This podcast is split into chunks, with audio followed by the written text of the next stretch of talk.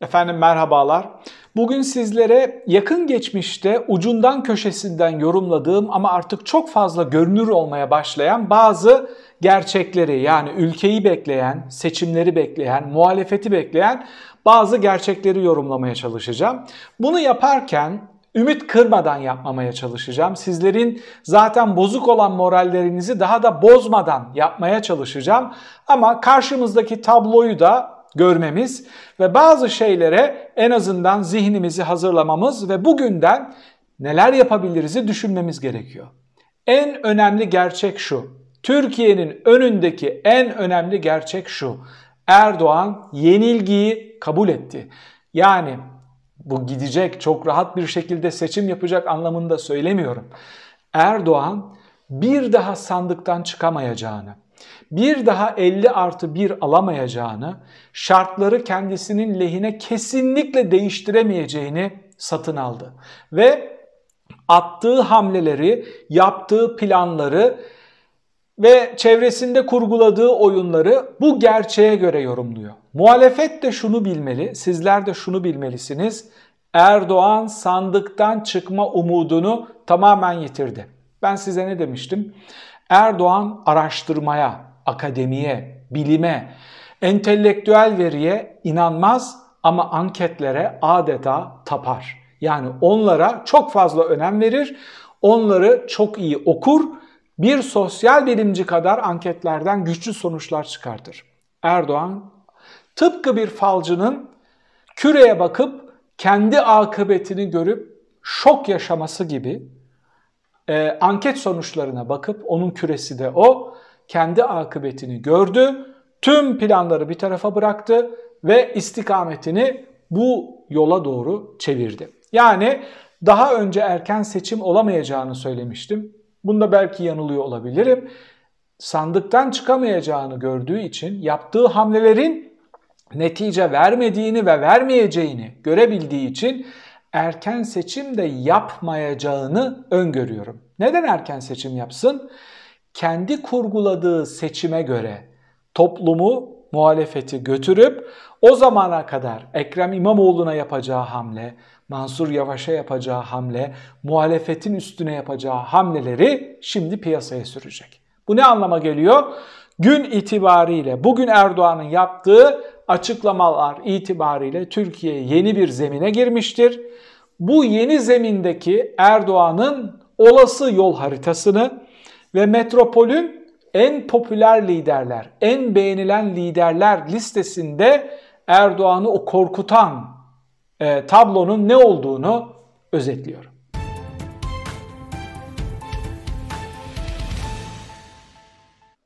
Bakın bir cumhurbaşkanı şu ifadeleri kullanır mı?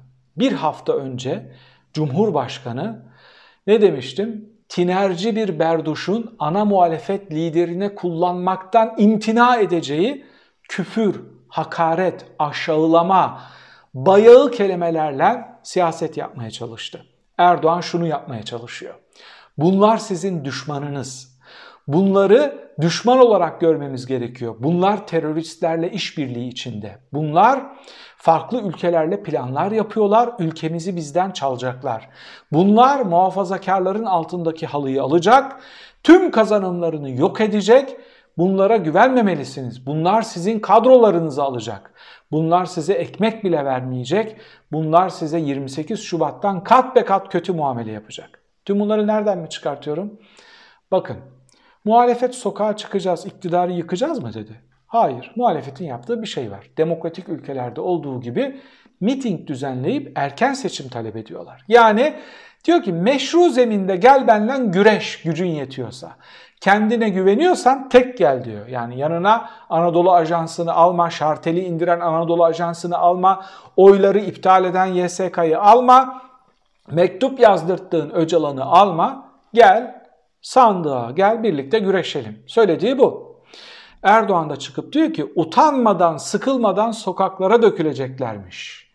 Siz 15 Temmuz'u görmediniz mi? Bakın demokratik talepleri darbe gibi gösteriyor halkına. Kendi tabanına demokratik talepleri darbe gibi gösteriyor. Demek ki iyi ki muhalefetin başında Kılıçdaroğlu gibi, Meral Akşener gibi bu oyunları anlayabilecek ve o tuzağa düşmeyecek, gerilimi artırmayacak aktörler var. İyi ki bunlar var. Tekrar ediyorum. Utanmadan, sıkılmadan sokaklara döküleceklermiş. Siz 15 Temmuz'u görmediniz mi? Bir kere sokağa çıkıp gösteri yapmak, seçim talep etmek, miting yapmak bunlar terörist eylemler değil. Bunlar demokratik eylemler. Yani muhalefet, sivil toplum kuruluşları, sendikalar tüm dünyada düdüğünü alır, miting yapar, seçim ister, kendi programını sunar. Bu çoğulcu ve katılımcı demokrasi dediğimiz şey bu. Bunun aksi olan şey zaten demokrasi değil. Diyor ki siz 15 Temmuz'u görmediniz mi?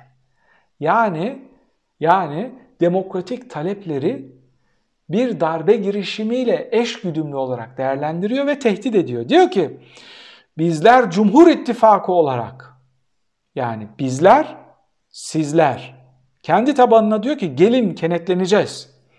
Hepinizi önümüze katar. Gideceğiniz yere kadar kovalarız. Denize dökeriz diyor sizi yani. Gönül dilinden anlamayanlara anladıkları dilden konuşmasını biliriz. Erdoğan şunu da ekliyor. Biz bu ülkeyi terk etmeyeceğiz. Muhalefet ne yaparsa yapsın. Diyor ki yani ben kaçmayacağım. Ben kaçmayacağım. Beni yargılama hayali yapan, benden iktidarı hayali, benden iktidarı alma hayali kuranlara karşı da toplumu kutuplaştırıp gerip kendi safıma çekeceğim ve onlarla birlikte sizlerle sokakta çatışacağım. Bu kimin dili? Bu Beşar Esad'ın dili. Erdoğan'ın terörist devlet dediği Beşar Esad'ın dili. O yaptı bunu halkına karşı. Şimdi bu, peki bundan korkmalı mıyız? Hayır, bundan korkmamalısınız. Neden? Çünkü siz suç işlemediniz, siz antidemokratik hiçbir şey yapmadınız. Bir tek adam rejimi inşa edilmesine rağmen dediniz ki sadece seçimleri yaşat, sadece sandık şeffaf sandık yaşasın, rekabetçi seçimler vuku bulsun. Ben hepsini sineye çekeceğim. Seninle senin istediğin zeminde güreşmeye hazırım dediniz. Muhalefet çok dikkatli olmalı. Muhalefet bunu görmeli. Erdoğan ülkeyi kendini kurtarabilmek için, ailesini kurtarabilmek için, suç ortaklarını kurtarabilmek için ülkeyi ateşe atmaya hazırlanıyor. Gezi'de bunu başaramadı. Gezi'de ülkede sokakta daha büyük bir çatışma çıkartmayı başaramadı. O gençler çadırlarını toplayıp gidiyordu. Mahkeme o inşaatı durdurma, yürütmeyi durdurma kararı almıştı. Erdoğan mikrofonların başına geçti. Mahkeme ne karar alırsa alsın biz o topçu kışlasını oraya inşa edeceğiz dedi. Gençler Gezi Parkı'na geri döndü. Veya da oradan hiç ayrılmadılar. Şimdi tabanını adım adım kendi kıyamet gününe hazırlıyor ve Buna biz tarihte şöyle diyoruz. Buradan ancak bir Pirus zaferi çıkar. Erdoğan bu savaşı kazansa bile yönetemeyeceği bir ülke kalır elinde. Yani Erdoğan'ın ülkeyi sürüklediği yer doğru bir yer değil. Peki bizim ne yapmamız gerekiyor? Bizim ne yapmamız gerekiyor? Öncelikle e, AKP'li tabanla birlikte iyi ilişkiler kurmamız gerekiyor. Erdoğan toplumu gerecek, siz yumuşatacaksınız. Erdoğan toplumu kutuplaştıracak, siz sarılacaksınız. Erdoğan çatışma isteyecek, siz barış diyeceksiniz. Bu dönemde muhtemelen çok önemli aktörleri siyasi yasaklı haline getirecek, toplumu bu çatışmalar üstünden gelmeye çalışacak. Hiç önemli değil. Hiç önemli değil. Herkes diline çok fazla dikkat edecek. Erdoğan'ın medyası gibi konuşmayacaksınız. Bakın Barlas bugünkü yazısında demiş ki hiper enflasyon Almanya'da da vardı 2. Dünya Savaşı'nda. Hitler rejimiyle mukayese ediyor Türkiye'yi. Dünya Savaşı geçirmiş Almanya ile mukayese ediyor e, Türkiye'yi. Birinci Dünya Savaşı'ndan sonra hiper enflasyon vardı. Onun üstüne Hitler geldi ve bu dönemlerle mukayese ediyor. Bu dile takılmayacaksınız. Karşınızda zor bir yol var. Zira düşünebiliyor musunuz? Konda verilerine göre Türkiye'nin %48'i Lozan Anlaşması'nın gizli maddeleri olduğuna ve 2023'te bu gizli maddelerin kalkacağına ve Türkiye'nin bor madenlerini satıp petrol çıkartabileceğine inanıyor. Bu ülkenin %48'i Lozan'ın gizli maddeleri olduğu için Erdoğan'ın yeterince başarılı olamadığına inanıyor. Karşınızdaki iş çok zor, çok çetin ama çok dikkat etmeniz, dilinize çok dikkat etmeniz ve muhalefet yaparken kullandığınız enstrümanlara çok fazla dikkat etmeniz gerekiyor. Görünen o ki Erdoğan bu işi YSK ile bitirip kitleleri sokağa döküp İstanbul seçiminde yaptığı gibi ama iktidarı devretmeme planları içinde bunun olmayacağına ona muhafazakar aydınlar göstermeli. Muhafazakar aydınlar Türkiye'de yaşamak, kol kola ileride demokrasiyi ve hukuku tadını çıkartmak istiyorsa çıkıp bu kullandığınız dil, dil değil, sizi kınıyorum demeli. Bugün muhafazakar aydınlara büyük görev düşüyor. İfa etmedikleri bu görevin onlar da ileride bedelini çok ağır ödeyebilirler insan içine çıkamayarak. Peki Metropol ne demiş? Metropol en önemli liderler, en çok sevilen liderler, en çok beğenilen liderler siyasilerin beğeni düzeyini açıklamışlar. Mansur Yavaş'la Ekrem İmamoğlu baş başa gidiyorlardı. Aralarında bir puan, iki puan oluyordu. Mansur Yavaş çok açık ara öne geçmiş Metropol anketinde beğeni düzeyi %60.4. Bu inanılmaz bir rakam. Bu işte Erdoğan'ın e, geleceği gördüğü küresi. O büyücülerin baktığı o küre var ya kendi geleceklerini de görüyorlar. İşte Erdoğan'ın küresi bu. O kürede bakıyor kendini görmek için ama karşısına Mansur Yavaş çıkıyor. %60. Ekrem İmamoğlu'nun aldığı beğeni düzeyi 50.7. Meral Akşener'in aldığı 38.5. Üçüncü sırada. Yani Anadolu'yu gezerek oldukça iyi puan kazanmış ama arada fark büyük. İyi ki aday olmayacağım demiş. Bu bir civan mertlik. Erdoğan bile Meral Akşener'in bir puan altında %37'ye düşmüş. Buradan şu sonucu çıkartabiliriz. Mansur Yavaş'la Erdoğan karşılaştığında buradan hangi enstrümanı kullanırsan kullan buradan Erdoğan'ın artık çıkma şansı yok. Başka kim var sırada? Devlet Bahçeli %31 beğeni düzeyi. Atlayarak söyleyeceğim, herkese okumayacağım. Çok fazla lider koymuşlar. Kılıçdaroğlu'nunki 28.5. Bu beğeni düzeyiyle Kılıçdaroğlu aday olma planı varsa gerçekten onları rafa kaldırmalı.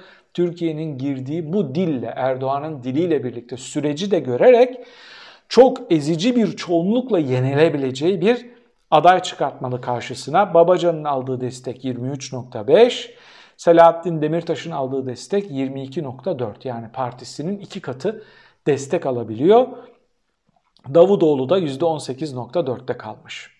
Şimdi toplumun bu kadar beğenisinin ön plana çıktığı bir tabloda muhalefette nasıl bir aday çıkartacağını, nasıl bir ortak adayla yarışa gireceğini bu tablodan görmesi gerekiyor.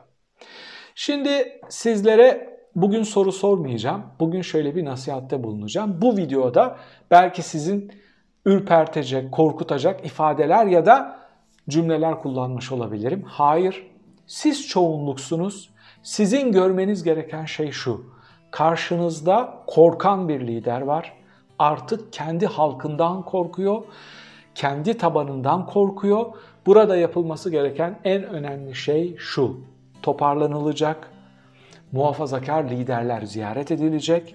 Erdoğan'ın kullandığı bu dil ve yakın gelecekte başta bu popüler belediye başkanları olmak üzere muhalif siyasiler üstüne kullanacağı hamlelere mani olabilecek e, önlemlerin alınması ve kol kola omuz omuza bir Türkiye fotoğrafının verilmesi gerekiyor. Bunun bedeli çok ağır olabilir. Bu tür kutuplaştırıcı dille yol alan liderlerin ülkelerini nereye savurduklarını hepimiz komşularımızdan çok iyi biliyoruz. Orta Doğu komşularımızdan çok iyi biliyoruz. Erdoğan'ın ya da başka bir liderin ülkeyi bir daha bu uçurumların eşiğine getirmesine kenetlenerek müsaade etmememiz gerekiyor. Bir sonraki videoda tekrar birlikte olmak üzere efendim. Hoşçakalın.